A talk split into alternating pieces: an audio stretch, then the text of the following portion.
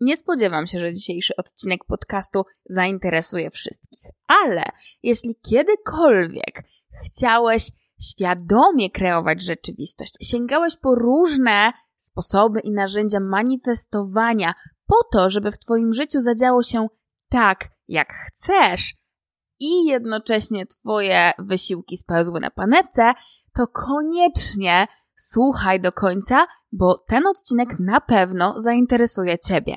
Dlaczego? Bo słuchając do końca, odkryjesz podstawowe błędy, które ludzie robią podczas manifestowania, które skutkują tym, że zdecydowana większość sposobów na manifestowanie rzeczywistości nie działa albo działa naprawdę bardzo fragmentarycznie. I zanim porozmawiamy o tych soczystych szczegółach, zapraszam Cię do intro, żebyś wiedział, gdzie jesteś. Ja jestem Czyżyk, a to jest podcast Zdrowa Pełnia z Czyżykiem. Uwaga do wszystkich, którzy kochają wolność, którzy nie godzą się już na płacz i cierpienie, którzy mają dość bycia ofiarą wszelkich obciążeń i mają w sobie odwagę oraz zuchwałość, by to zmienić. Może utknąłeś w jakimś obszarze życia, może w związku, może w karierze, w biznesie, w rodzicielstwie, a może w dołującym obrazie siebie lub świata. Ale czujesz, że masz w sobie więcej, że zasługujesz na więcej, że jesteś więcej i że żyjesz po to, by w świecie tworzyć więcej. Że masz w sobie tę lepszą, pełniejszą, szczęśliwszą wersję siebie i od jakiegoś czasu robisz naprawdę dużo. Szukasz najlepszego sposobu, żeby tym więcej być. Gratulacje, znalazłeś i Twoja droga do zdrowej pełni przyspiesza właśnie z tego miejsca. Od 2000 roku psychologicznie pracuję z ludźmi. Pokazuję, jak z laserową precyzją oczyścić pamięć komórkową z blokujących cię obciążeń, byś i ty mógł robić siedmiomilowe kroki do twojej zdrowej pełni, czyli takiego miejsca w tobie, w świecie, gdzie żyjesz życiem, które kochasz, w którym kochasz i które naprawdę ma znaczenie. A teraz robię coś, o czym wcześniej nikt nie słyszał. W tym podcaście uwalniam sekretną wiedzę, do której do tej pory tylko nieliczni mieli dostęp. Dzielę się z Tobą tajnikami mojej pracy z ludźmi, pokazuję Ci od kuchni, jak działa pamięć komórkowa i jakie jej obciążenia podcinają Ci skrzydła. Zabieram Cię za kulisy sukcesu innych bohaterów zdrowej pełni, byś wiedział, co takiego zrobili i co Ty możesz zrobić, by łatwo sięgnąć po Twoje więcej subskrybuj podcast, bądź na bieżąco i ruszaj ze mną do Twojej zdrowej pełni. W końcu Ty jesteś bohaterem tej drogi, a ja przewodnikiem, który Ci tę drogę ułatwia.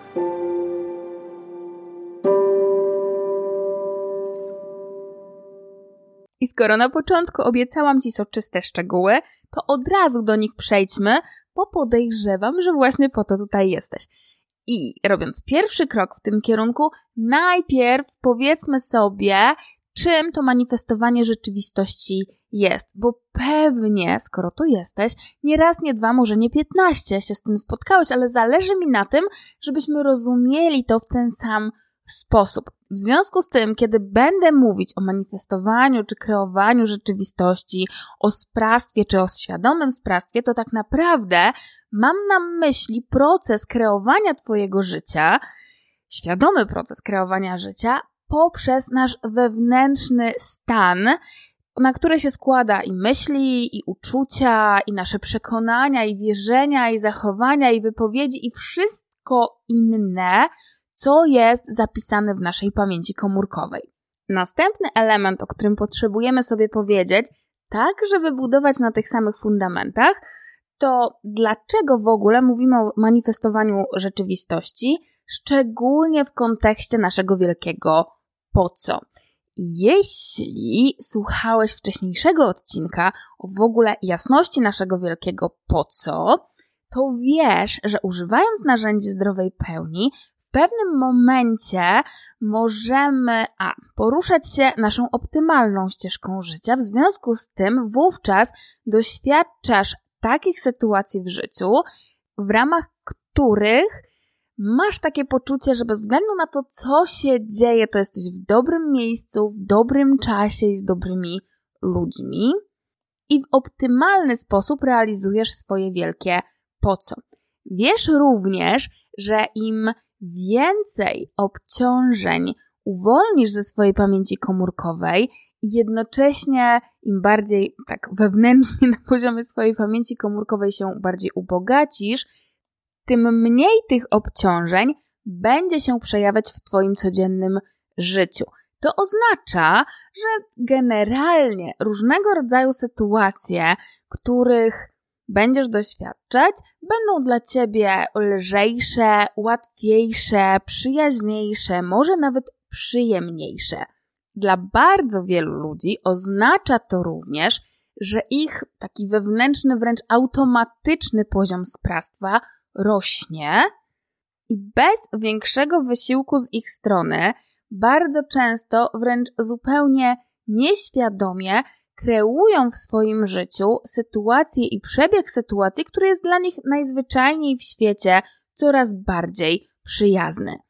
Jednak w każdym z tych wymienionych przypadków mówimy o realizowaniu naszego wielkiego po co trochę z automatu. W takim znaczeniu, że okej, okay, albo się to dzieje bez Twojego świadomego udziału, albo dzieje się z Twoim wewnętrznym wiedzeniem-czuciem, ale i tak bez większego wpływu, bo te zdarzenia i tak na ścieżkach życia są zapisane.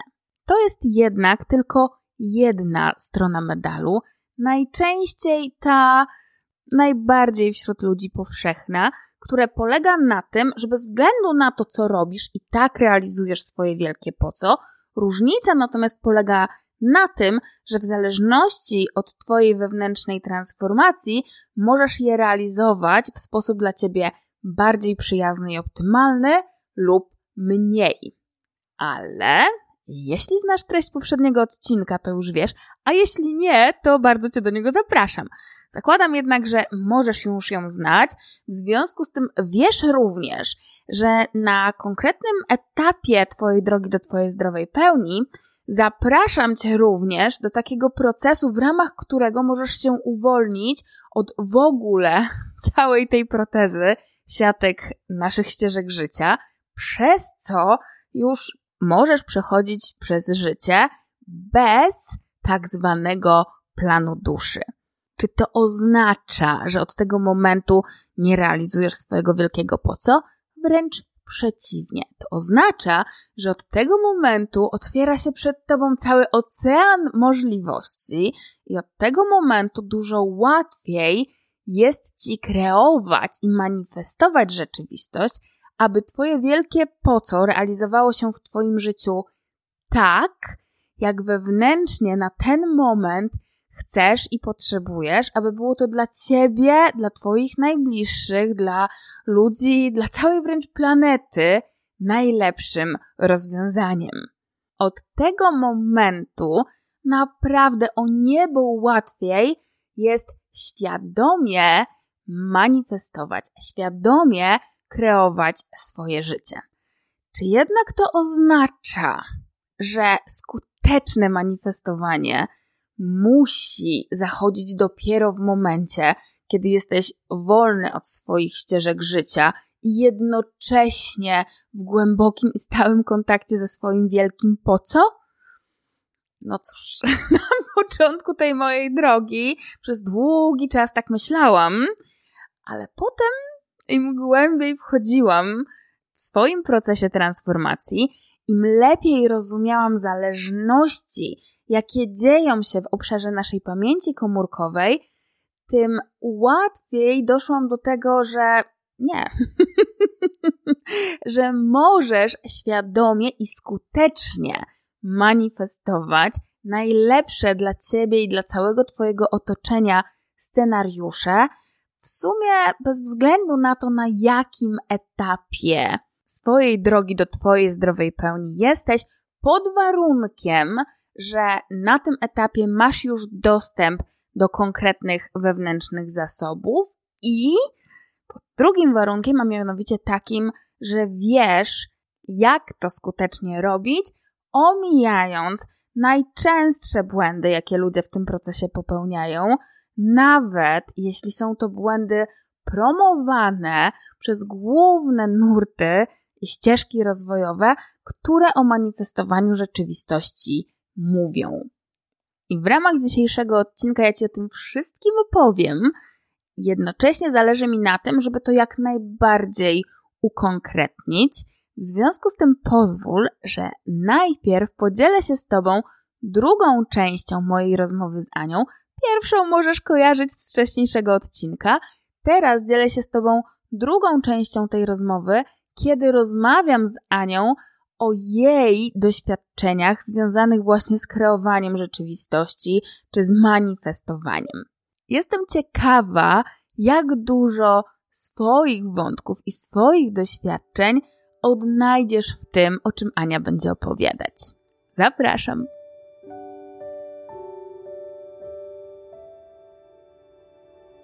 Najpierw chciałabym, żebyś opowiedziała o tych swoich wcześniejszych przygodach, jak szukałaś dla siebie różnego rodzaju rozwiązań, żeby w ogóle wiesz, efekt przyciągania, albo tę wizualizację przyszłości, albo generalnie to sprawstwo, żeby ci się w życiu zdarzyło tak, jakbyś chciała, żeby mieć w zasięgu swojej ręki. Jak to dla Ciebie wyglądało? U mnie y, y, przygoda zaczęła się, tak jak chyba u większości osób, czyli od tego y, filmu Sekret. No bo trzeba przyznać, że oglądając ten film bardzo łatwo wejść w taki nastrój takiego, takiego wręcz podekscytowania, że no takie proste to wszystko ma sens i to się spina. Mhm. Ja miałam może, kurczę, Czyżyku, musiałabym sprawdzić, z którego roku był ten film, żeby nie palnąć głupoty, no ale to było, to było stosunkowo wiele lat temu, ten film był wypuszczony i dla mnie wówczas takim odkryciem nie z tej ziemi było to, że wszystko jest energią i myślałam, że, że odkryłam jakiś niesamowity sekret. E, I e, wówczas nie, nie znałam jakichś innych metod, nie siedziałam w tym i próbowałam e, używać tej wiedzy z filmu, czyli trzymać wysoko swój poziom emocji, być w tych dobrych wibracjach i myśleć o tym, czego chcę. Mhm. I wytrzymałam około zgaduję, ale myślę, że to był maksymalnie, maksymalnie miesiąc, co i tak by było bardzo optymistyczne. To, to myślę, że to było krótsze, bo po pierwsze niesamowicie ciężko jest utrzymać te dobre wibracje i wręcz czasami czułam się jak taka oszustka, że jest mi źle, a ja robię wszystko, żeby się na tym nie skupić. No a po drugie dlatego, że oczywiście nie było efektów. I to był moment, kiedy to rzuciłam e, do kosza. Dopiero później, jak weszłam na te inne metody e, typu na przykład narzędzie zdrowej pełni, no to zaczęło mieć sens, dlaczego tak strasznie ciężko jest utrzymać te wysokie wibracje i dlaczego jest tam takie poczucie, że się od czegoś ucieka i takie oszukiwanie samej siebie. I na ile ja to rozumiem w kontekście tych, tych narzędzi zdrowej pełni, że ja mam aktywną traumę albo pasożyta, który jest po prostu aktywny, to szalenie ciężko i myślę, że to bardzo dużo energii też zabierało, żeby zagłuszyć i udawać, że tego nie ma. I wówczas to postrzegałam na takich, e, tak jak pokazywał to ten film, że moją rolą jest utrzymywać tą wysoką wibrację za wszelką cenę, a dopiero później poznając to narzędzie zobaczyłam, że w sumie to jest robienie sobie więcej szkody niż pożytku, bo nie dość, że ja nie zajmuję się tą aktywną traumą, to jeszcze zamiast poświęcać energię na to, żeby zobaczyć, a cóż tam jest, cóż tam się do mnie wybija, traciłam energię na to, żeby to wyprzeć i, i, i trzymać się na siłę w, tym, w tej wysokiej wibracji. No, u mnie to nie podziałało. Może faktycznie czułam się y, przez jakiś czas lepiej, do czasu aż jeszcze miałam siłę i energię, żeby utrzymywać na siłę i wypierać cokolwiek tam do mnie przychodziło, ale oczywiście efektów nie było żadnych. Także film Sekret został odłożony.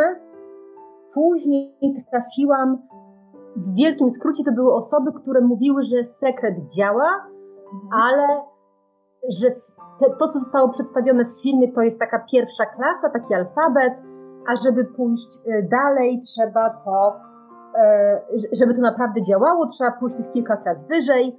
I to były takie metody jak e, wizualizacja z emocjami, żeby to wszystko poczuć, wpisywanie tego, bo to, co spisujemy na papierze, działa.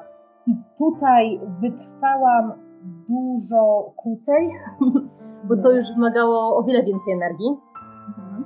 przynajmniej z mojej strony ale efektów tak nie miałam.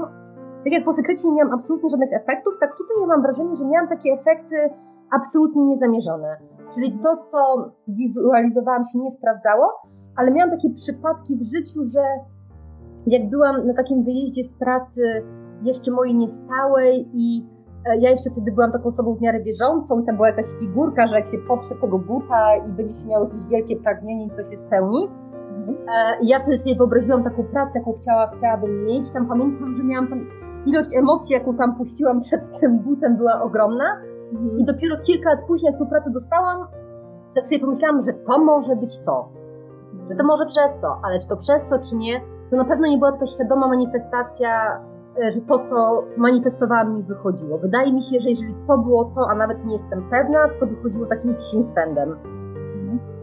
A później kolejnym etapem było to, że to już była pewna frustracja, że jak wejdziesz na YouTube'a, tam jest miliony nagrań o tym, jak to działa, co ludzie osiągnęli, ale no, przynajmniej ja nie trafiłam tam na nagrania osób, które nie zajmowałyby się rozwojem osobistym albo coachingiem, albo zarabianiem na YouTubie, tylko takiej zwykłej Grażyny, która na co dzień robi coś innego niż coaching, czyli powiedzmy takiej Grażyny księgowej, która w ogóle jest niezaangażowana w zarabianie na rozwoju, która by powiedziała, opanowałam to i zobaczcie, jak zmieniło się moje życie.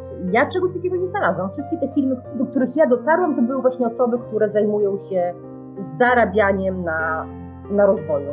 I to był dla mnie ten moment, kiedy doszłam do wniosku, że to jest chyba jakaś ściema i skoro nie jestem w stanie znaleźć żadnego takiego no, przeciętnego człowieka, mhm. który nie chwali się z tymi swoimi, swoimi efektami, to no, ciężko mi w to uwierzyć a jednocześnie e, do tej, wtedy i do tej pory wierzę w to, że jest grupa osób, którym się układa bardzo fajnie, bo są i, i zdrowie, i pieniądze, i relacje, i to są te osoby, które mają takie wymarzone życie. I ja bardzo długo wierzyłam, że one, one, one jakiś sekret mają, więc już w pewnym momencie miałam takie teorie spiskowe w głowie, że ten sekret, który nam pokazali, to jest taka wierzchołek góry lodowej, ale że oni muszą coś wiedzieć. No przecież nie może być tak, że kilka osób na świecie e, ma wszystko, a Teraz to chyba się mówi, że to jest 98% osób, która ma całą, y, y, populacji, która ma całą resztę. Więc już się zakręciłam, Czyżyku, tutaj. No bo ja mam osobiście takie poczucie, że jak ze sobą pracujemy, to temat y, pod tytułem jak zamanifestować, jak poprawić swoje sprawstwo, to wraca jak bumerang w swoich ustach na różne sposoby. Więc gdzieś tam, no, popraw jeśli się mylę, ale gdzieś tam miałam, wiesz, z tyłu głowy, że cokolwiek robisz, to jakoś ten temat jest aktywny, jakoś tego sekretu poszukujesz. Tak. I powiem coś, co być może będziesz chciała wyciąć, e, że narzędzia zdrowej pełni idą stopniowo i ja mam takie, zaczyna się od takich bardzo podstawowych, jak nici traum. Teraz one mi się wydają podstawowe, ale dla mnie wówczas, jak zaczynałam, to było niesamowite odkrycie. Ja na samymi nićmi traum miałam ogromne efekty, więc widząc to, ja myślałam, okej, okay, to, to jest to narzędzie, ja sobie zdejmę wszystkie niki traum i będzie się działo dokładnie tak, jak ja chcę. I dopiero później, jak się odkrywa i wchodzi w kolejne narzędzia i w kolejny głębszy poziom, widzi się, że okej, okay, to jest jeden z małych kawałków układanki. Że jeszcze jest i ten kawałek, i ten kawałek, do których się dochodzi dopiero jak się te, te, te górne kawałki zbierze i te bardziej zaawansowane narzędzia e, pozna. Więc ja za każdym razem, jak poznawałam te nowe narzędzia, to dla mnie to już był taki moment, że myślałam, no teraz to już na pewno, jak to podejmuję, wszystko będzie się działo tak, jak chcę. I dla mnie takim pierwszym momentem olśnienia było to, ja pamiętam, że bardzo się z Tobą nie zgadzałam, kiedy Ty mówiłaś, że są traumy pozytywne e, i traumy na lgnięciu, bo ja wychodziłam, że jak z założenia, że jeżeli ja mam lgnięcie do pieniędzy, do tego, żeby być bogatą, zdrową albo do związku, to to jest naturalna potrzeba człowieka i to absolutnie nie jest trauma na limitu. I dopiero później, jak czytałam, jak słuchałam podcastu Rozmowy z Bogiem, to się chyba nazywa, nazywa, tam był bardzo duży nacisk na to, żeby złożyć zamówienie i odpuścić. I, e, I dopiero wtedy mi to kliknęło z tym, że tak, z czym tak bardzo nie zgadzałam, że ta ciało na lgnięciu, jak się ją ściągnie, dopiero wtedy jest możliwy ten element y, odpuszczenia. Ja wtedy myślałam, że ja odkryłam Amerykę i nawet podzieliłam to moim genialnym odkryciem. to był moment, kiedy oczywiście się zgodziłaś, ale dopiero wtedy pokazałaś mi też, że dobra, że to jest jeden z kolejnych puzli, ale znowu jeszcze nie wszystko. I wówczas, jak poszłyśmy y, po raz pierwszy do takiego już bardziej zaawansowanego narzędzia, za pomocą którego można wykreować coś, czego na chwilę obecną nie ma zapisanego na mojej ścieżce życia, mhm. to to był ten moment, a może jeszcze opowiem. Tam jest, y, nie będę opowiadała narzędzia, bo ono jest bardziej skomplikowane, mhm. ale tam jest ta sytuacja, kiedy ja sobie rysuję mój y, idealny obraz. Mhm. E, tego, ja to robiłam na, na przykładzie pracy, ja sobie rysuję, jak to by chciało wyglądać, co swoją drogą też jakoś ma powiązania z tym, co mówi ten mainstream przyciągania, bo oni też mówią, żeby to poczuć i żeby się skupić na uczuciach, a nie na e, opisie. Ja pamiętam e, tą sesję, ty powiedziałaś coś w stylu Czyżek, nawet nie wiesz, że mówisz tymi samymi słowami, co oni. Tak, dokładnie tak. Także to są wspólne elementy. To jest niesamowite, że elementy są wspólne, Mhm. Ale no, wykonanie właśnie jest inne, bo w tych kilku różnych odmianach tego sekretu, czy, czy prawa przyciągania jest tak, że masz to poczuć i jedną z tych odmian jest to, że masz to poczuć i codziennie przed snem być w tym, w tym uczuciu. Mhm. I w momencie, kiedy my zaczęłyśmy używać, te, wprowadziłaś mnie, mnie w, w to narzędzie i zaczęłam to czuć, to co ja bym chciała, mhm. to tam był ten moment, kiedy inne części mnie zaczęły to rozmywać. Mhm. Więc teory, teoretycznie ja w umyśle świadomym, no przecież ja tego chcę. Przecież ja mhm. już, ja już nawet jak pozdejmowałam te traumy, to ja nawet wiem, że na to zasługuję. Mhm. A mimo wszystko to był moment, kiedy te inne części mnie i to były takie części, których ja się nawet nie spodziewałam. Czyli to był, były takie wręcz, można by było powiedzieć, że subtelne rzeczy, na które ja nie zwróciła uwagi. Pamiętam, że jak to była praca i ja sobie wyobraziłam, jak, jak chcę się czuć w tej pracy i e, ile zarabiać i przez te pieniądze czuć no, docenienie, bo skupiamy się na, na bycie docenionym, bo, bo skupiamy się na uczuciach. Mhm. Takim elementem w ogóle niespodziewanym było to takie uczucie, że jak już będą mnie tak doceniać i będę dobrze zarabiać, to będę musiała zapieprzać. Ja będę musiała im się odwdzięczyć. I to był taki element, którego ja nie sądzę, że ja bym do tego elementu doszła, wizualizując sobie te wspaniałe uczucia przed snem tak trochę praktyczno-teoretycznie stawię tutaj, że ten twój element na wtedy, że będę musiała się odwdzięczyć i zapieprzać, oczywiście też jest na traumie. Tylko, że tak idąc przez życie, to nie, nie wszystkie sklejki widzimy, nie wszystko widzimy, że generalnie jeśli osiągnę to, to mi się ta i ta i ta trauma odezwie, w związku z tym lepiej tego nie osiągać, żeby nie spaść w większy grajdu. I dopiero ten proces mógł ci pokazać, co tam jeszcze jest. Tak, i to był ten moment, kiedy ja, bo ja weszłam w to narzędzie w momencie, kiedy ja takie traumy pierwszego poziomu zdjęłam, czyli traumy nie zasługuję, to nie dla mnie, e, są lepsi ode mnie. Mhm. Więc teoretycznie, no i to są takie traumy, które dla mnie były na wierzchu. Może u kogoś innego inne są takie dominujące, które on widzi umysłem. I dopiero ten proces pokazał mi, jak wiele rzeczy jest, do których ja bym się absolutnie nie dogrzebała, bo to jest ten proces, Aha, no właśnie, to był ten efekt wow, że ja myślę, że ja jestem gotowa, że ja już wyczyściłam to, co było do wyczyszczenia, po czym ty mi pokazujesz narzędzie, okej, okay, to jeżeli y, to jest, to jest to narzędzie, zaplanuj jakbyś chciała się czuć i jeżeli nic już tam nie jest w tobie przeciwko temu, nie masz przekonań, to przecież to wtedy utrzymasz ten obraz. I za każdym razem później jak wchodziłam, to mi się pojawiały nowe rzeczy. I to nie były rzeczy jakieś zupełnie abstrakcyjne, bo to były rzeczy, które mi się pojawiały i sobie myślę, no tak, no faktycznie, ja tak mogę się pod tym podpisać, ja w to wierzę, ale a jednocześnie to nie były takie rzeczy, na które ja bym wpadła, wypisując sobie, dlaczego nie mam tej pracy, albo dlaczego nie czuję się tak, jakbym chciała w pracy. Ja potrzebuję jeszcze wrócić do tego, co mówiłaś wcześniej, bo mówiłaś, że w tej drodze do zdrowej pełni narzędzia idą z tobą razem, ale idą stopniowo i ty też stopniowo idziesz coraz głębszą swoją transformację i jednocześnie na każdym etapie miałaś takie poczucie, że to już jest to. Że teraz to już na pewno wszystko będzie jak chcesz. I też powiedziałaś coś takiego, że już miałaś efekty po samym ściąganiu nici traum. To jak ty to widzisz? To jest tak, że to ci daje efekty pod tytułem zmiana rzeczywistości, czy to ci daje po iluś krokach dopiero efekt pod tytułem zmiana rzeczywistości, czy dopiero trzeba dojść do tego zaawansowanego? Z twojej perspektywy. E, narzędzia, żeby ci dodało efekt zmiany rzeczywistości. Jakie są twoje odczucia z drogi? E, z mojej perspektywy apetyt rośnie w miarę jedzenia i ja jak zaczynałam od nici traum, dla mnie te nici traum były wówczas przełomowe, bo ja w ciągu kilku sesji zrobiłam więcej niż innymi metodami podczas licznych warsztatów, kursów y, terapii. Mhm. E, więc dla mnie wówczas te nici traum były absolutnie odmieniające życie. Ale jak już się odkopałam z tej górnej warstwy, no już przecież zaczęło być dobrze, no to przecież człowiek nie usiądzie na laurach. Przynajmniej, okej, okay, ja nie usiądę na laurach, bo jeżeli widać, że wystarczy zrobić to, to, to, to i się zmienia, tego chce się robić jeszcze więcej, ale już potem automatycznym, e, w mojej ocenie, automatycznym krokiem, e, takim naturalnym krokiem jest to, że już później, jeżeli chcesz iść dalej, to po pewnym e, czasie już te nici tam są niewystarczające. Nie dlatego, że one nie dają efektów, bo dalej te efekty dają, ale jest taki, wydaje mi się, taki naturalny pęd do sięgania po więcej. I mhm. później już jest takie jasne, że jak już te nici robią to, a później zrobię nici e, i na przykład DNA, to już efekt jest w ogóle wow.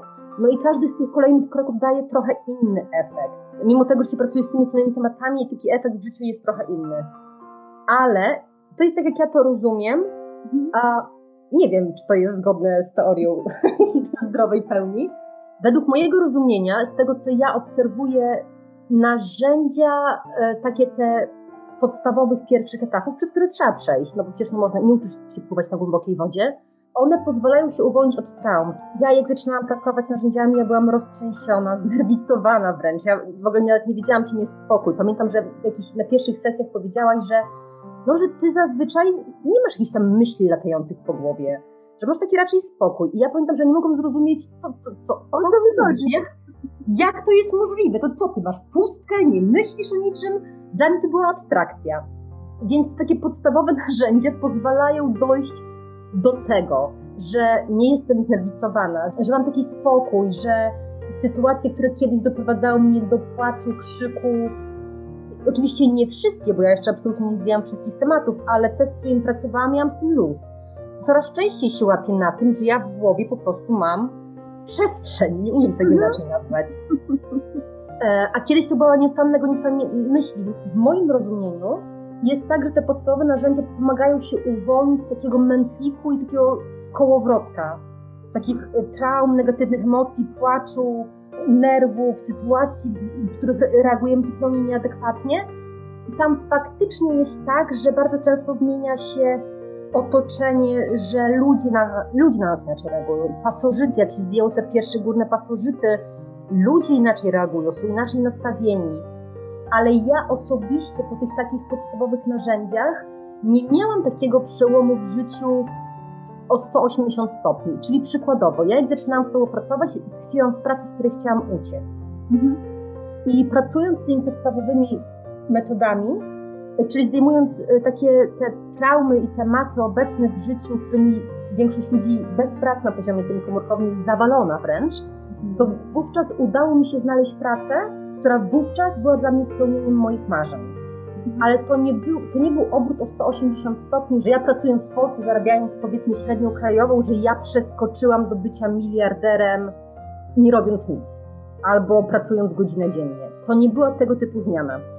Więc ta zmiana za pomocą tych podstawowych narzędzi pozwoliła mi zdobyć luz, że byłam w stanie odejść z tej mojej pracy, że znalazłam pracę, która dla mnie wtedy była super E, że w tej pracy w ogóle było mi lżej, że w tej pracy, mhm. do tej pracy weszłam tak no gładko, a jednocześnie teraz, kiedy już dążę powoli do tej zmiany o 180 stopni, potrzebne są te głębsze narzędzia, ale znowu tu wracamy do tego, o czym mówimy, że żeby wykorzystać te głębsze narzędzia, ja automatycznie muszę sięgnąć po te jeszcze głębsze przekonania, e, które, które nie są na wierzchu i nie są tak oczywiste, jak, jak te na początku, z którymi się pracuje prawdę. Podzielę się, jak ja to widzę, nie? że do pewnego momentu my się po prostu uwalniamy. Uwalniamy właśnie od tego, co nam zalega. Trochę tak jak ty nazwałaś tym znerwicowaniem i całą resztą z tym związanym. Przez to już w ogóle sięgamy po tą zdrowszą wersję nas samych. A od jakiegoś momentu zaczynamy się jeszcze jakby ubogacać wewnętrznie. Transformujemy się wewnętrznie tak, że różne części świadomości naszej, które nie były ze sobą zintegrowane, zaczynają się integrować i wtedy wchodzimy jakby na wyższe jeszcze poziomy jakości tego życia. I z tego poziomu już manifestacja przyszłości, w ogóle manifestacja na zewnątrz tego, co ja bym chciała, żeby było, już jest dużo łatwiej do zrobienia niż z poziomu zawalenia trawą. Tak, tak. Generalnie nazwałaś o wiele mądrzej to, co powiedziałam z na, na, doświadczenia, ale tak, myślę, że mówimy o tym samym. Dodam jeszcze jedną rzecz. Mhm. Ja mam takie wrażenie, że dopiero jak przejdzie się kawałek drogi, widzi się, z jakiego poziomu się zaczynało. I to absolutnie nie jest jakiś zarzut do tego poziomu, na którym byłam, bo dla mnie to był wówczas normalny poziom. Ja wówczas uważałam, że to jest normalne, że każdy jest zdenerwowany. Przecież no jest normalne, że dzień nie jest przyjemny. Dzień jest od tego, żeby go przetrwać.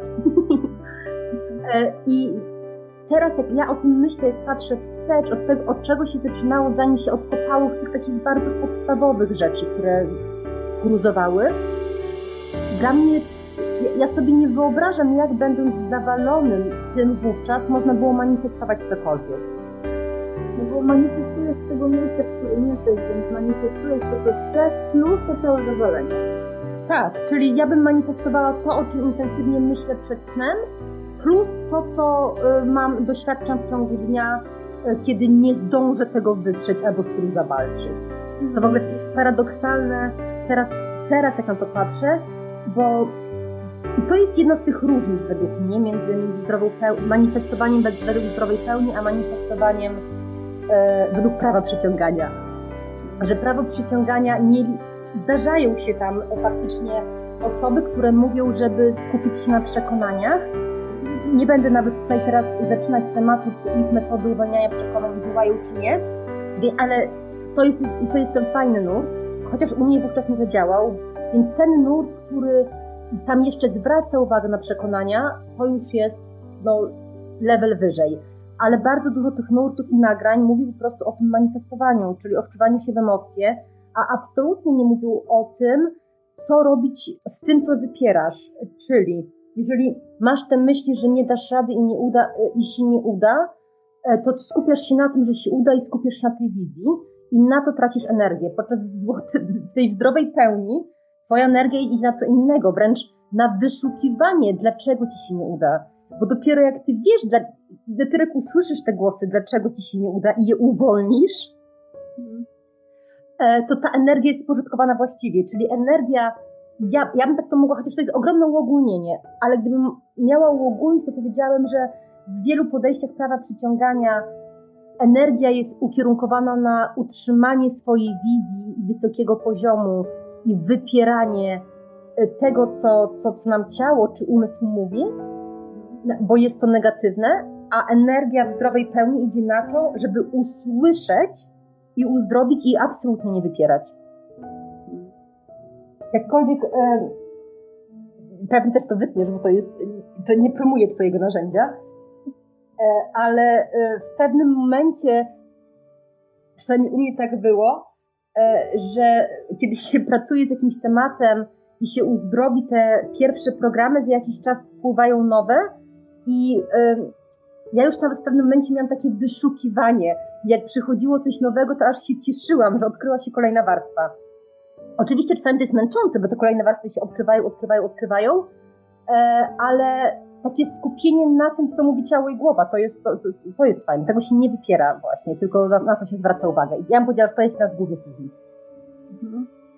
Okej. Okay. I w związku z tym chciałabym zrobić program, chociaż nie wiem, czy będziesz miała ochotę się tym podzielić, bo tak w kontekście efektów, ale też w kontekście manifestowania, bo nie wiem, czy pamiętasz jedną z tych sesji, gdzie pracowałaś z takim tematem związanym z szefową i efekt był taki, że efekt był zupełnie inny niż się spodziewałaś, a mianowicie taki, że szefowa zrezygnowała z pracy. To był ten moment, kiedy aż się przestraszyłam, e, z czym ja pracuję. Mhm. Miałyśmy sesję, już teraz wymyślam dni, bo nie pamiętam jakie to były dni, ale pamiętam, że to było, załóżmy, że to była środa i że my miałyśmy, miałyśmy kilka sesji, w środę zamknęłyśmy ten temat szefowej, bo ja pracowałam z szefową, nasze relacje były na jakichś obciążeniach, nawet nie pamiętam, na jakichś uszkodzeniach, ale jakich konkretnych nie pamiętam. E, I pamiętam, że miałyśmy tę ostatnią sesję zamykającą temat powiedzmy w środę. Zapytałam Ciebie, jakie będą efekty? Co teraz? E, po czym Ty powiedziałaś, że ciężko powiedzieć. Może być tak, że, że wy już po prostu nie będziecie w jednej przestrzeni, bo nic nie będzie się przyciągać, rezonować. A może być tak, że nadal będziecie, tylko te relacje się kompletnie zmienią, że tutaj nie ma zasady. Że może być dwojako, ale że na pewno to już nie będzie w oparciu, te relacje nie będą w oparciu na uszkodzeniu. Więc to było, załóżmy w środę i w czwartek na spotkaniu szefowa oznajmiła... Aha, jeszcze jedna rzecz. I, I, pamiętam, że też powiedziałaś, że to uszkodzenie jest takie, że ono się dolecza e, do trzech miesięcy. A, I że po tych trzech miesiącach, że, żeby być cierpliwym, bo jeszcze w ciągu tych trzech miesięcy się będzie doleczać, układać. A, I następnego dnia w pracy, czyli jeżeli to była środa, to powiedzmy, że był czwartek, następnego dnia w pracy szefowa powiedziała, że złożyła wypowiedzenie i ma trzymiesięczny okres wypowiedzenia i że za trzy miesiące odchodzi. E, tak, i to była jedna z tych, bo nie zawsze tak jest, jakby to trzeba przyznać, to, to, nie zawsze jest tak spektakularne. Czasami zmiany są takie, że dopiero w pewnym czasie się łapie, a że to jest inaczej niż było, a że tutaj jakoś coś się zmieniło. Nie zawsze to jest tak spektakularne, że to od razu widać czarno na białym, ale ponieważ tu pracowałam z konkretną osobą, którą widziałam codziennie i akurat to wypowiedzenie się zdarzyło następnego dnia, to to było takie bardzo dobitne, jak to działa, jaką to ma moc. Mhm. Dobrze. To jeszcze się w takim razie chcę dopytać. Ale wiesz co, Czyżyku? No? Ja bym jeszcze dodała jedną rzecz. No, bo osoby, które mogą usłyszeć tę historię, e, mogą to odebrać, że za pomocą narzędzi zdrowej pełni ja mogę zmanipulować, że ktoś odejdzie, albo że mogę wpływać na drugiego człowieka. I chciałabym bardzo jasno podkreślić, że to jest absolutnie nie tak. Że gdybym ja przyszła do Czyżyka z intencją, żeby się pozbyć szefowej, to ja bardzo szczerze wątpię, że ta sesja by się w ogóle odbyła. E, także intencja musiała być czysta. Intencja była, żeby się uwolnić od uszkodzenia i absolutnie nie było tam intencji, żeby ta szefowa sobie poszła, bo to też by było na traumie. A jednak efekt był taki, znaczy efekt był jaki chciałaś, bo chciałaś, żeby ta relacja była zdrowa, by była uzdrowiona i żeby nie pomiędzy wami nie zdarzały się już więcej te trudne historie, które się tam od czasu do czasu zdarzały, a ewidentnie było na uszkodzeniach.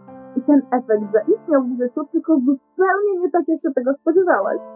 Tak, tak, ale jeszcze jedna rzecz mi teraz przyszła do głowy, mianowicie intencja. Jak pokazałaś mi to narzędzie manifestacji, też jest nacisk na to, żeby mieć zdrową intencję. I, I gdyby taka intencja, żeby nikogo nie krzywdzić, to jest oczywista oczywistość, Mhm. E, z, którym się, z którą się zgadzam, mam nadzieję, każdy nurt, ale też takie podkreślenie tego, żeby intencja do manifestowania absolutnie nie była na traumie.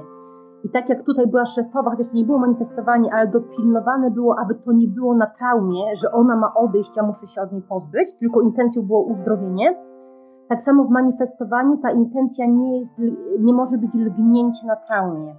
I wydaje mi się, że dla osób, które być może właśnie przeczytały jakieś książki albo, albo obejrzały ten, te, te filmy, które ja obejrzałam. Dla mnie to było, ja, ja, ja w ogóle nie widziałam tej różnicy, że moja intencja jest na traumie i być może dlatego ja się z Tobą przez długi czas nie zgadzałam, kiedy mówisz, że są traumy na lgnięciu. Ja uważałam, że to jest dążenie do bogactwa i szczęścia. I przecież dążenie, dążenie nie ma nic złego. Tak, więc ta sytuacja z szefą pokazała bardzo, bardzo ważną wagę intencji i tak samo w tym manifestowaniu o czym się wydaje mi się, że często się zapomina, bo, bo jest podkreślenie, żeby nikomu źle nie życzyć i nie szkodzić, a jednocześnie zapominamy właśnie o lgnięciu, na traumie, co też może być szkodliwe. Tak, to ja jeszcze tutaj potrzebuję tak wiesz, trochę z boku dodać, bo jest pewnie x osób, które mogą tak samo myśleć jak to. W powszechnym podejściu jest to zupełnie normalne, że przecież dążenie jest zupełnie ok i ono samo w sobie jest ok.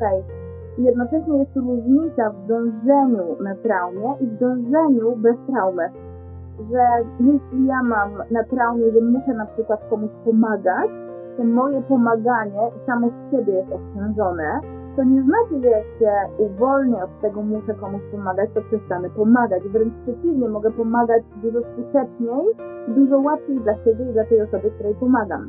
Jednocześnie trochę się zgadzam z tym, że to trzeba poczuć i to trzeba doświadczyć, żeby w ogóle złapać tę różnicę bo tak długo jak ludzie są w tym zawaleniu, zagruzowani różnymi obciążeniami, to rzeczywiście ciężko na umysł i na logikę się z tym zgodzić lub nie zgodzić, bo wtedy rzeczywiście zwyczajowe myślenie jest takie, że to nie jest żadne lubnięcie, a jeśli nawet, to to jest po prostu zdrowe dążenie. Możliwe, że opowieść Ani, szczególnie te trudności, o których wspominała w obszarze manifestowania rzeczywistości, są ci bliskie, bo prawdę mówiąc, problemy, o których Ania wspomniała, są bardzo powszechne wśród osób, które sięgają po narzędzia manifestowania rzeczywistości, które nie są zakotwiczone w naszej pamięci komórkowej i które nie biorą pod uwagę prawideł naszego działania pamięci komórkowej zapisanych. Zatem po jakich trudnościach czy problemach poznasz, że sposób, którego używasz do zamanifestowania jakiegoś scenariusza w życiu, nie uwzględnia tego, co jest zapisane w Twojej pamięci komórkowej. Takich markerów jest kilka i mogłeś je z opowieści Ani wyłapać. Po pierwsze, możesz doświadczać bardzo frustrującej sytuacji związanej z brakiem efektów, albo niekoniecznie z totalnym brakiem efektów, ale występowaniem bardzo fragmentarycznych, wręcz ułamkowych pozytywnych skutków Twoich działań lub z występowaniem zupełnie niezamierzonych skutków. Po drugie, możesz mierzyć się z bardzo trudną wewnętrzną dynamiką, związanym z tym, że może być ci trudno utrzymać tak zwane wysokie wibracje. No i teraz tłumacząc z polskiego na nasze, te wysokie wibracje, żebyśmy wspólnie rozumieli ten termin podobnie, oznaczają tak naprawdę, że potrzebujesz, żeby być w wysokich wibracjach, być w takim wewnętrznym stanie, który naturalnie jest związany z takimi emocjami jak spokój, jak miłość, jak wdzięczność, jak szczęście, jak radość. Na teraz całe gro narzędzi, które służą do manifestowania rzeczywistości, uzależnia efekt tej manifestacji właśnie od Twojego wewnętrznego stanu i Twojego przebywania w tak zwanych wysokich wibracjach i jednocześnie na teraz, jeżeli jest to dla ciebie trudne, to po prostu oddychaj i uświadom sobie, że nie jest to związane z tym, że z tobą jest coś nie tak, bo na dzisiaj prawie 100% ludzkiej populacji całego świata ma z tym trudność i wynika to z tego, że w naszej pamięci komórkowej jest zapisane szereg traum i obciążeń, które poprzez swoją aktywację automatycznie skutkują wybijaniem cię z takiego zasobnego stanu, związanego ze spokojem, z miłością, z wdzięcznością i z wszystkimi tymi wcześniejszymi wspomnianymi emocjami. Dzieje się tak nawet w przypadku, kiedy osoba za wszelką cenę, różnymi sposobami chce się w tym stanie utrzymać bez naturalnego, odzyskanego dostępu do tych zasobnych stanów świadomości związanych z tymi konkretnymi zasobami, z tymi konkretnymi emocjami, dla zdecydowanej większości ludzi jest to najzwyczajniej w świecie niemożliwe, a dla niewielkiej garstki jest to możliwe, ale okupione ogromną wewnętrzną pracą i zużyciem ogromnej ilości wewnętrznej energii. Po trzecie, może cię dołować fakt, że gdzieś tam jest ta garstka ludzi, którzy posiedli ten sekret i im wychodzi. I ci manifestują taką rzeczywistość, dzięki której żyją w dostatku, w dobrobycie, w dobrostanie, układa im się tak jak chcą i tak po prostu sobie lekko przez życie płyną, a ty nie. A ty masz pod górkę, tobie jest ciężko, tobie nie wychodzi. Jeśli to jest Twoja trudność, to potrzebujesz sobie uświadomić, że w tego typu przypadkach, kiedy chcesz osiągnąć jakiś efekt i sięgasz po narzędzia, które innym działają, a Tobie nie, w tego typu przypadkach oznacza to zazwyczaj dwie kwestie. Albo samo narzędzie nie działa, lub nie działa w Twoim wykonaniu, i moim zdaniem narzędzia związane z manifestowaniem rzeczywistości, które są szeroko promowane wśród różnych ścieżek rozwoju osobistego, najzwyczajniej w świecie nie działają, są niewystarczające, działają natomiast tylko dla tej garstki osób, które mają dostęp do zasobnych stanów świadomości i im działają właśnie dlatego, że są w szerszych wewnętrznych zasobach niż cała reszta, ogromna większość populacji.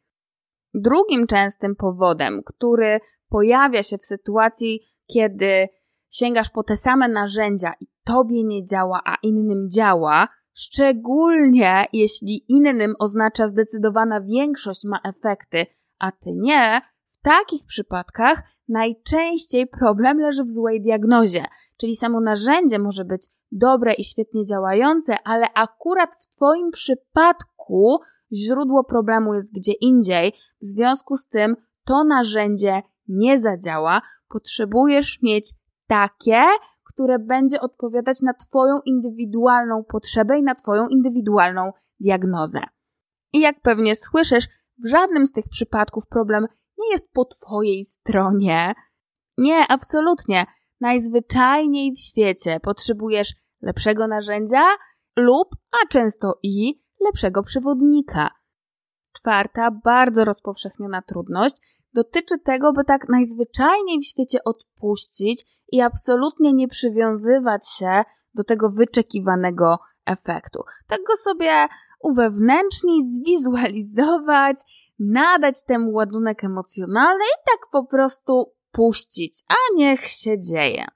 I okej, okay, brzmi to dobrze, jednocześnie dla bardzo wielu osób jest to najzwyczajniej w świecie trudne i jak pewnie usłyszałeś w tej rozmowie z Anią, wynika to głównie z tego, że tak długo jak ten efekt, którego pragniemy, jest obciążony traumą, taką traumą na lgnięciu, że tak bardzo tego chcę, tak z ekscytacją po prostu do tego dążę, lub taką traumą związaną z tym, że absolutnie nie chcę czegoś przeciwnego i dlatego, aby tamtego uniknąć, aby od tamtego uciec, chcę sobie wykreować inaczej, bez względu na to, czy to będzie taka trauma, którą odczuwamy pozytywnie, czy ona będzie obciążona dla nas negatywnymi odczuciami, nieważne. Jeżeli z tym efektem są związane traumy i one są po Twojej stronie aktywne, jakiekolwiek odpuść będzie najzwyczajniej w świecie ciężkie. I wiele osób, próbując odpuścić, tak naprawdę robi to z głowy i z umysłu, i wydaje im się, że odpuszczają, kiedy tak naprawdę działające traumy pokazują, że nie, wcale nie. I piąty, mega częsty problem w procesie manifestowania rzeczywistości polega na wewnętrznym sabotażu. I tutaj moglibyśmy wyróżniać przynajmniej dwa rodzaje. Jeden, co do którego część osób, przynajmniej w różnych ścieżkach rozwojowych, związanych z manifestowaniem rzeczywistości mniej lub bardziej zdaje sobie sprawę i nazywa to blokującymi przekonaniami. Zgodnie z tym podejściem, nawet jeśli chcesz wykreować rzeczywistość, która będzie zawierać jakiś konkretny scenariusz zdarzeń, i nosisz w sobie przekonanie, że to jest na przykład niemożliwe, albo trudne, albo nie dla ciebie, albo jakiekolwiek inne przekonanie uwewnętrznione, na bazie którego wiadomo, że ten scenariusz się nie zdarzy lub nie zdarzy się dla ciebie, to i tak się nie zdarzy. Albo nie zdarzy się w takim spektrum, jakie byłoby dla ciebie satysfakcjonujące. No i na tę trudność niektórzy próbują zareagować, sięgając po różnego rodzaju sposoby, redefiniowania tych przekonań, poradzenia sobie z tymi przekonaniami blokującymi. Jest jednak bardzo duża gama tego wewnętrznego sabotażu, który jest na teraz w zdecydowanej większości ścieżek rozwojowych wręcz nawet niezauważony. Jak sięgasz po narzędzia zdrowej pełni i bazujesz na naszej pamięci komórkowej, to najzwyczajniej w świecie czujesz, doświadczasz i wiesz, że struktury, które noszą zapis naszej świadomości, które wręcz kotwiczą tę świadomość w naszej biologii, są wielorakie, mocno zróżnicowane, biologicznie niejednorodne, a to oznacza, że nasza świadomość działa po prostu jak ogromna mozaika złożona z bardzo różnych części. Teraz dla większości osób manifestowanie rzeczywistości oznacza, że manifestują tą częścią świadomości, którą znają, tą główną, tą najbardziej oswojoną, tą, pod którą się mogliby podpisać, że to jestem ja. I nie jest to absolutnie jedyna część naszej świadomości. Oprócz tej głównej, tej takiej udomowionej i znajomej, jest cała rzesza mikroczęści naszej świadomości, które tak naprawdę nie są zintegrowane i mogą mieć zupełnie inny pomysł na to, co ty masz przeżywać w życiu. Co więcej, mega duża ty, część tych mikrokawałków naszej świadomości może być wręcz w oporze przed takim scenariuszem, który ty z poziomu tej głównej swojej świadomości, udomowionej i znajomej, próbujesz zamanifestować. I tak długo, jak ten wewnętrzny rozłam istnieje, tak długo efekt, który ty chcesz w życiu, no najzwyczajniej w świecie albo się z nim nie spotkasz, albo właśnie będziesz mieć efekt marginalny lub wręcz nie taki, bo twoje kreowanie rzeczywistości zachodzi cały czas. Nieważne, czy masz tego świadomość, czy nie.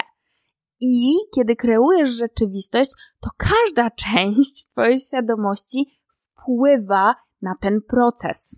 W związku z tym, kiedy robisz to również świadomie i koncentrujesz się tylko na tej części świadomości, którą znasz, którą tak właśnie udomowiłeś, udomowiłaś i wiesz, że to jesteś ty, to nie bierzesz pod uwagę zdecydowanej większości jeszcze fragmentów swojej świadomości, których nie znasz, których nie dotykasz na ten moment, a które mogą mieć zupełnie inny pomysł na efekt końcowy.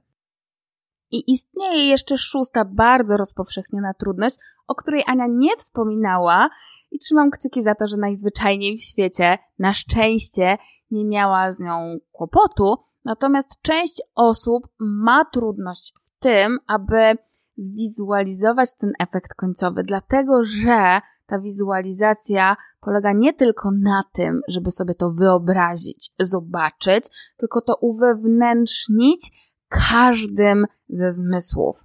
Czyli potrzebujesz to poczuć, potrzebujesz tego doświadczyć, potrzebujesz to zobaczyć, potrzebujesz poczuć szczególnie te pozytywne emocje, które ci będą towarzyszyć, kiedy ten efekt już zaszedł. Potrzebujesz tak naprawdę uwewnętrznić i wręcz żyć tym poczuciem, które się dzieje, kiedy ty to już zrealizowałeś. To już się stało. Nie to się kiedyś tam stanie, albo będziesz nad tym pracować, to już się stało. I część osób z tym również ma duży problem. Im bardziej ktoś jest w głowie i w umyśle, im mniej ma kontaktu z tą świadomością serca i ciała, tym jest to dla niego trudniejsze. Z powodu tych wszystkich trudności, problemów i błędów, zdecydowana większość ludzi manifestuje, kreuje swoje życie trochę tak, jak w piosence, którą ci za moment zaprezentuję.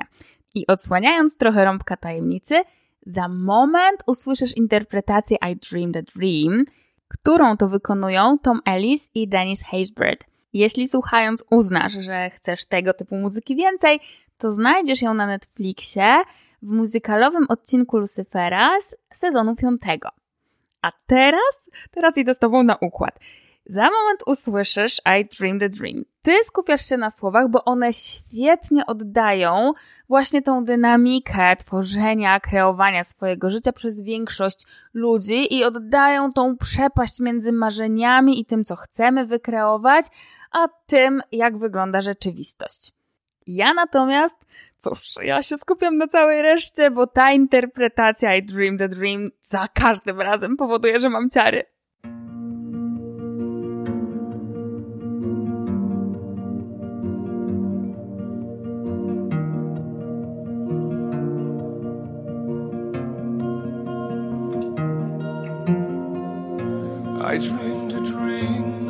Times gone by when hope was high and life worth living. I dreamed that love would never die. I dreamed that God would be forgiving. But I was young and unafraid.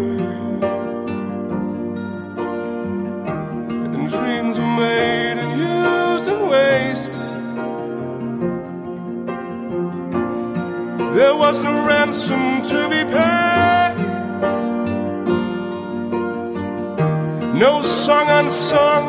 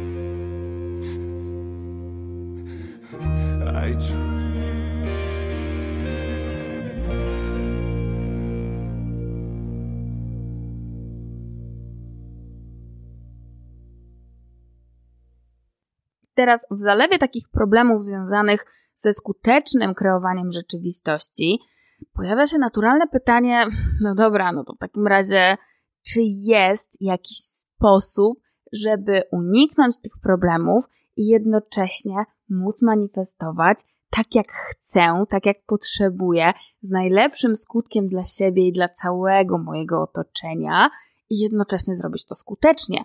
Można? Można. Narzędzie zdrowej pełni, które do tego służy, jest dość zaawansowane i wymaga, żeby się nim posługiwać dla siebie bezpiecznie i z bardzo dobrym skutkiem, wymaga dostępu do pewnych wewnętrznych zasobów. Teraz wiem, że jeśli zaprowadziłabym cię tam, dałabym ci to narzędzie, kiedy jeszcze nie masz dostępu do tych zasobów, kiedy jeszcze niektóre części Twojej świadomości nie są ze sobą zintegrowane, to mogłoby się to wiązać z nieprzyjemnym ryzykiem.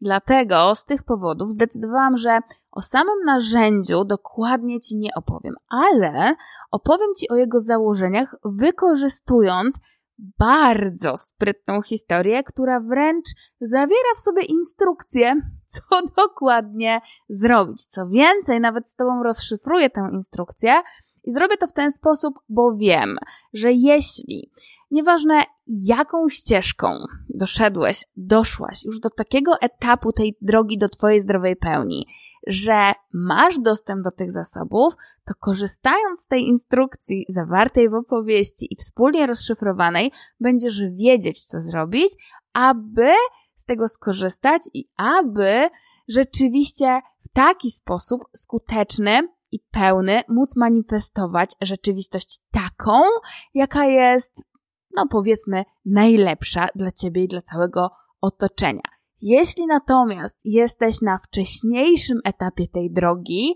to możliwe, że niektóre elementy już z Tobą zarezonują w tej opowieści i w tej instrukcji i już będziesz mógł, będziesz mogła je wdrożyć, a inne po prostu na ciebie poczekają. Opowieść, do której za moment cię zaproszę, pochodzi ze zbiorów Howarda Schwarza i ma kilkaset lat, dlatego że początki tej opowieści dzieją się w Hiszpanii dokładnie na Majorce w czasach inkwizycji. Obecnie w całej Europie jest pewnie kilkaset wersji tej opowieści. Ja zaprezentuję Ci taką, która pochodzi z Bałkanów.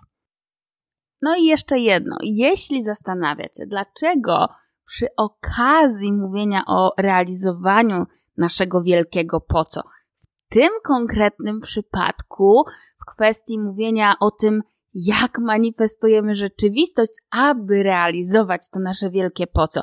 Jeśli zastanawiacie się, dlaczego przy okazji takich tematów dzielę się z Tobą historią, która jednak ma taki parareligijny charakter, no cóż, zapraszam Cię w takim razie, jeżeli to jest Twoje pytanie, to zapraszam Cię do wcześniejszego odcinka, gdzie mówię na ten temat trochę więcej. A teraz chyba możemy przyjąć, że przyszedł czas na wspólną opowieść.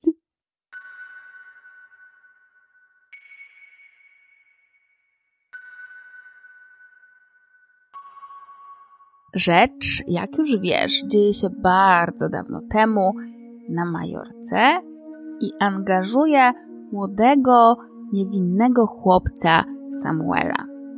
Gdybyś żył w tamtych czasach i gdybyś właśnie przypłynął wielkim żaglowcem do Porto na Majorce, mógłbyś Samuela spotkać, bo bardzo często przebywał w porcie lub nad brzegiem morza, rysując, malując morskie pejzaże. Ale szczerze, pewnie nawet byś go nie zauważył, bo Samuel w swojej naturze był chłopcem cichym, spokojnym, wewnętrznie czystym i zupełnie nie rzucającym się w oczy. Współcześni Samuelowi ludzie, znajomi jego ojca, bardzo często przechodzili obok niego, zupełnie nieświadomi jego obecności. Orientowali się o swojej pomyłce zazwyczaj dopiero wtedy, kiedy zszokowani patrzyli na jego obrazy. Stawali przed kartką lub płótnem i ze zdziwieniem patrzyli na fale, na statki, na mewy. Tak dokładne, że mogli doświadczyć wiatru wydumającego żagle, że mogli usłyszeć krzyk mew. Któregoś dnia, kiedy Samuel przebywał w porcie i przyglądał się takielunkowi jednemu ze statków po to, żeby bardzo dokładnie odzwierciedlić go na swoim obrazie, z tego właśnie statku, ledwo czekając na zacumowanie, wybiegł bardzo poruszony mężczyzna i zaczął w porcie rozpytywać napotkanych ludzi o ojca Samuela, czyli rabina tamtejszej gminy. Widząc zachowanie mężczyzny, Samuel od razu wiedział, że stało się coś ważnego, więc podbiegł do niego, zaoferował pomoc i zaprowadził do swojego ojca. Rozemocjonowany przybysz podbiegł do rabina, chwycił go i zaczął mówić: Musicie uciekać, uciekajcie! Hiszpańska inkwizycja zabija wszystkich Żydów, którzy nie chcą zmienić wiary. Uciekajcie, ratujcie się, póki możecie. Zupełnie na to nieprzygotowany rabin w lekkim zacięciu zaczął pytać: Ale jak? Kiedy? Kiedy ma się to zdarzyć? Na co mężczyzna w jeszcze większym poruszeniu odpowiedział: Jak to kiedy? To już się dzieje, nie ma czasu do stracenia, trzeba działać. Rabin kilkukrotnie głęboko odetchnął, uspokoił się i powiedział: Dobrze, dziękuję Ci za tę wiadomość. Odpocznij po długiej drodze, a my zaczniemy organizować wszystko, co jest potrzebne. Kiedy mężczyzna wyszedł z pokoju, do rabina podszedł Samuel i zaczął wypytywać ojca: Ojej, i co teraz z nami będzie? A widząc przestrach w oczach syna, rabin spokojnie odparł: Będzie dobrze, wyjdziemy z tego bezpieczni. Zorganizujemy się tak, bo w końcu jeszcze mamy trochę czasu, więc zorganizujemy się tak, aby cała nasza społeczność mogła wypłynąć i zamieszkać w Algierze. I wszyscy wypłyniemy? zapytał Samuel. Hmm. Mam nadzieję, że wszyscy, ale pewnie wypłynie większość. Część będzie chciała zostać, no bo zbliża się nasze święto, będą chcieli świętować tutaj. Jeszcze inni pewnie nie uwierzą w zagrożenie. Ci, którzy będą chcieli zostać w synagodze i świętować, no cóż, z tymi będę potrzebował zostać również i ja. Ale ty, synu, wypływasz pierwszym statkiem do Algieru. Oj, nie, ojcze, nie mogę tak zrobić. Po śmierci mamy zostałeś mi tylko ty. Absolutnie nie mogę cię opuścić. Bez względu na to, co się stanie, zostanę z tobą. Kiedy rabin zobaczył reakcję Samuela, wiedział, że nie może na siłę go wysłać do Algieru i wiedział, że cokolwiek się stanie, to będą w tym razem. Podczas spotkania w synagodze rabin przekazał wszystkim, jak wygląda sytuacja i ostrzegł ich, że jeśli ktokolwiek będzie chciał zostać na Majorce, to będzie musiał zmienić wiarę. I wszelkie praktykowanie będzie musiało się odbywać w ukryciu, a nawet jeśli będzie wyglądać to w ten sposób, będzie to ekstremalnie niebezpieczne. Dlatego on zaleca, aby wszyscy spakowali się i statkami przepłynęli do Algieru. I rzeczywiście w kolejnych dniach wiele statków zapakowanych po brzegi ludźmi i ich dobytkiem wypłynęło z portu, niosąc wszystkich w kierunku afrykańskiego brzegu. Ale, tak jak przewidział rabin, część ludzi zostało. Niektórzy dlatego, że po raz ostatni w życiu chcieli świętować w tej swojej ukochanej synagodze, inni dlatego, że nie do końca wierzyli w zagrożenie. Rabin natomiast w poczuciu obowiązku i wiedząc, że opiekuje się całą społecznością, został z nimi, a z rabinem został jego syn Samuel. I pierwszego dnia wszystko było dobrze. Świętowali, cieszyli się, Większość zapomniała, że w ogóle o jakimkolwiek zagrożeniu było mowa. Wszystko przebiegało tak dobrze, że zaczęli wierzyć, że cała ta sytuacja jest jakąś tragiczną pomyłką, nieporozumieniem.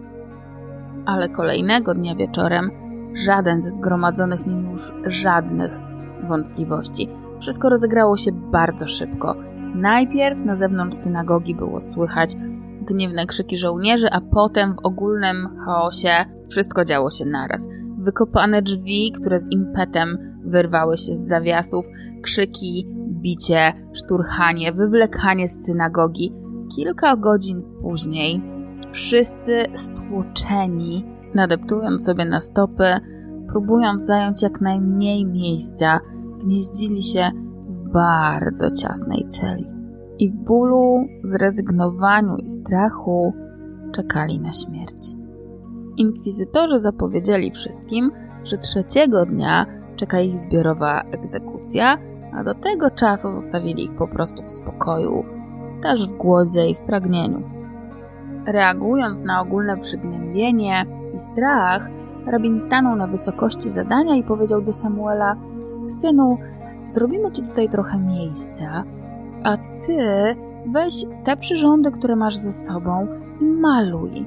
Ja wiem, że tu nie ma miejsca na płótno, że nie ma tu kartek papieru, ale zrobimy ci tyle miejsca, żebyś mógł malować na ścianie. Twoje morskie pejzaże zawsze wszystkich uspokajały. Maluj. My natomiast w tym samym czasie zagłębimy się w modlitwie i wszystko będzie dobrze. Pod koniec dnia na ścianie widniał już dość okazały mural, a na nim trzy statki, fale obijające się o burty, wiatr wydymający żagle, fruwające mewy i promienie słońca przebijające przez chmury. Kolejnego ranka Samuel dopracował detale i wówczas wszyscy patrząc na mural czuli bryzę czuli krople morskiej wody na twarzy.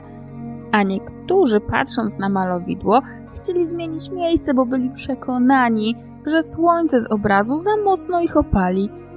Do czasu egzekucji zostało jeszcze półtorej dnia, ale rabin wciąż w głębokim spokoju uspokajał innych, a Samuelowi poradził: Może namalujesz mnie i siebie na tym statku. Myślę, że byłby to dobry pomysł. Samuel do tej pory nigdy nie rysował ludzi, ale pomyślał sobie, że jeśli ma być to jego ostatnie malowidło, to bardzo chętnie uwieczni na nim siebie i ojca. Tak zaczął chwilę później jego sylwetka i sylwetka jego taty były tak żywe i tak podobne, że kiedy ludzie patrzyli na nich na tym statku, zaczęli nieśmiało prosić Samuela: Mnie też tam dorysuj, ja też bym chciał, chciała widzieć siebie na pokładzie statku. I tak się właśnie działo. Większość ludzi modliła się razem z rabinem, a ci, którzy chcieli znaleźć się na statku, znajdowali miejsce koło Samuela, aby mu pozować tak, by ten bardzo dokładnie, bardzo prawdziwie odwzorował ich na malowidle. Trzeciego dnia po południu, kiedy było już słychać kroki żołnierzy zmierzających do celi, na trzech statkach muralu były już prawie wszystkie osoby oprócz jednej. I kiedy wszyscy się do ciebie przytulali, pocieszali, modlili, ta osoba prosiła Samuela: Jak jeszcze mogę ci pomóc? Jak mam zapozować, abyś mógł mnie także dokończyć? W kolejnych minutach trzy rzeczy zdarzyły się jednocześnie. Po pierwsze, Samuel umieścił wszystkich na muralu na statkach. Po drugie, jego ojciec zaczął się cicho modlić, wypowiadając sekretne imię Boga. Po trzecie, żołnierze energicznie otworzyli drzwi, gotowi wywlec wszystkich na zbiorową egzekucję i stanęli wryci w progu, przekonani, że przestały im działać oczy, bo cela była zupełnie pusta. Samym czasie trzy żaglowce przemierzały Morze Śródziemne ze wszystkimi zgromadzonymi na trzech pokładach statków, zmierzając w kierunku Algieru.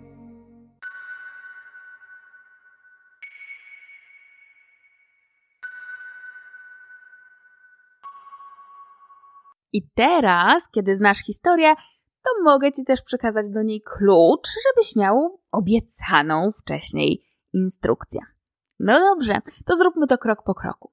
Po pierwsze, skoncentrujmy się na tym, że tak naprawdę cała ta opowieść, mimo tego, że dotyczy bardzo głębokiego przekazu, skoncentrowana jest wokół dziecka, wokół niewinnego chłopca. Dlaczego? No podpowiedź już wcześniej dała Ci Ania, dzieląc się swoimi doświadczeniami, dlatego, że tutaj to niewinne dziecko jest symbolem czystej intencji.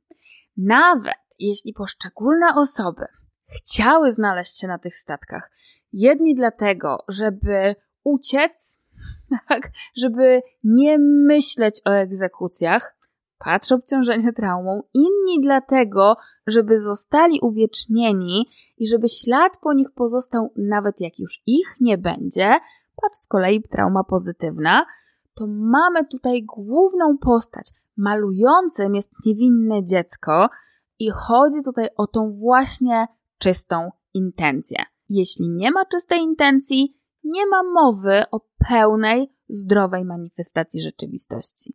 Drugim składnikiem w naszym przepisie na zdrową i skuteczną manifestację rzeczywistości jest sposób, w jaki Samuel maluje. Jego obrazy są tak wymowne, że ludzie patrząc na nie mają poczucie, że wiatr rozwiewa im włosy i że słyszą krzyczące mewy. Tak dokładna potrzebuje być wizualizacja. Ona potrzebuje być nie tylko wzrokowa, potrzebuje angażować każdy ze zmysłów i ten scenariusz, który chcesz, aby się zrealizował, potrzebujesz uwewnętrznić już z poziomu, kiedy on się już zrealizował, a ty przeżywasz to wszystko dobre, które się dzieje w tobie i dookoła ciebie po zrealizowaniu tego scenariusza, nawet jeśli to ma się dopiero wydarzyć. Po trzecie, w tej opowieści istotne jest miejsce, które jest związane z tą manifestacją rzeczywistości, i to miejsce jest święte. ja wiem, że to trochę dziwnie brzmi, bo mówimy o celi, ale zauważ, że pierwsze zgromadzenie dzieje się w synagodze, czyli w miejscu świętym. Potem ludzie zostają między innymi dlatego, że chcą po raz ostatni przebywać w synagodze w miejscu świętym. Później, nawet jeśli wszyscy z tej synagogi są wytargani i lądują w celi, to w celi się modlą. Ich główna aktywność polega na modlitwie. W związku z tym uświęcają to miejsce. Każde z tych miejsc, które jest związane z tą manifestacją, z kreowaniem tego pożądanego przez nich scenariusza, jest miejscem świętym lub przez nich uświęconym. I to jest bardzo istotny symbol, dlatego że aby taka manifestacja rzeczywistości miała szansę zadziać, to to, biorąc pod uwagę naszą pamięć komórkową, to to manifestowanie potrzebuje się dziać z poziomu bardzo istotnej struktury, takiej, która ma bezpośrednie fizyczne lub bezpośrednie niefizyczne, ale jednak połączenie z każdą inną częścią nas. Tylko wtedy i z tego poziomu manifestując, ta zmiana ma szansę zajść absolutnie w każdym naszym zapisie, a potem dzięki temu ma szansę zaistnieć w zewnętrznej również rzeczywistości. Inaczej, jeżeli manifestujemy z każdego innego poziomu, to okej, okay, no coś tam będziemy mieli szansę w tej naszej rzeczywistości zewnętrznej zmienić. Na coś tam wpłyniemy, ale to nigdy nie będzie taki poziom manifestacji, na tak głębokim poziomie i na tak dużym spektrum sprawstwa. Czwarty składnik naszego przepisu na skuteczną i zdrową manifestację dotyczy tych wszystkich zgromadzonych ludzi. Zauważ, że ich było tak wielu, że zapełnili trzy statki. Ogrom, ogrom luda. I jednocześnie, aby to się mogło wydarzyć, Wszyscy oni musieli być zgodni. Każdy z nich musiał sam chcieć znaleźć się na tym muralu, sam o to poprosić, sam zabiegać, sam pozować, musiał sam z siebie wykonać działanie i całym sobą popierać ten kierunek. To z kolei dotyczy wszystkich naszych części świadomości. Nieważne, czy je znasz, nieważne, czy jesteś z nimi w kontakcie. Każda cząstka Twojej świadomości potrzebuje się dwoma rękoma podpisywać pod tym, że tak, to, co manifestuje ta główna część w czystej intencji, to jest to, co ja będę całą sobą wspierać. Inaczej statki nie wyruszą.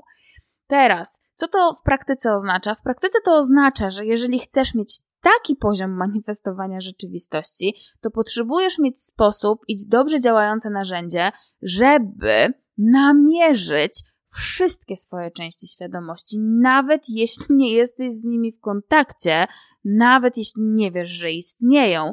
Wszystkie, które oporują albo wręcz są neutralne lub nie sprzyjają temu, co ty chcesz zamanifestować, i potrzebujesz uwolnić te części świadomości od obciążeń. Dopiero wtedy, kiedy one ze sobą wspólnie współpracują i wspólnie manifestują, masz szansę na taki poziom sprawstwa. I ostatni, mega istotny element całej układanki dotyczy tego, jakie aktywne siły leczące potrzebujesz zaangażować w ten proces. Pierwszą podpowiedzią jest to wszyscy naraz, czyli aby w ogóle ten proces miał szansę się ziścić na takim poziomie sprawstwa, to tą siłą leczącą, po którą potrzebujesz sięgnąć, jest jedność, a drugą z nich pewnie tak samo ważną. Chciałam powiedzieć, że może nawet ważniejszą, ale nie. One po prostu ze sobą potrzebują w tym procesie współpracować i jedna, i druga.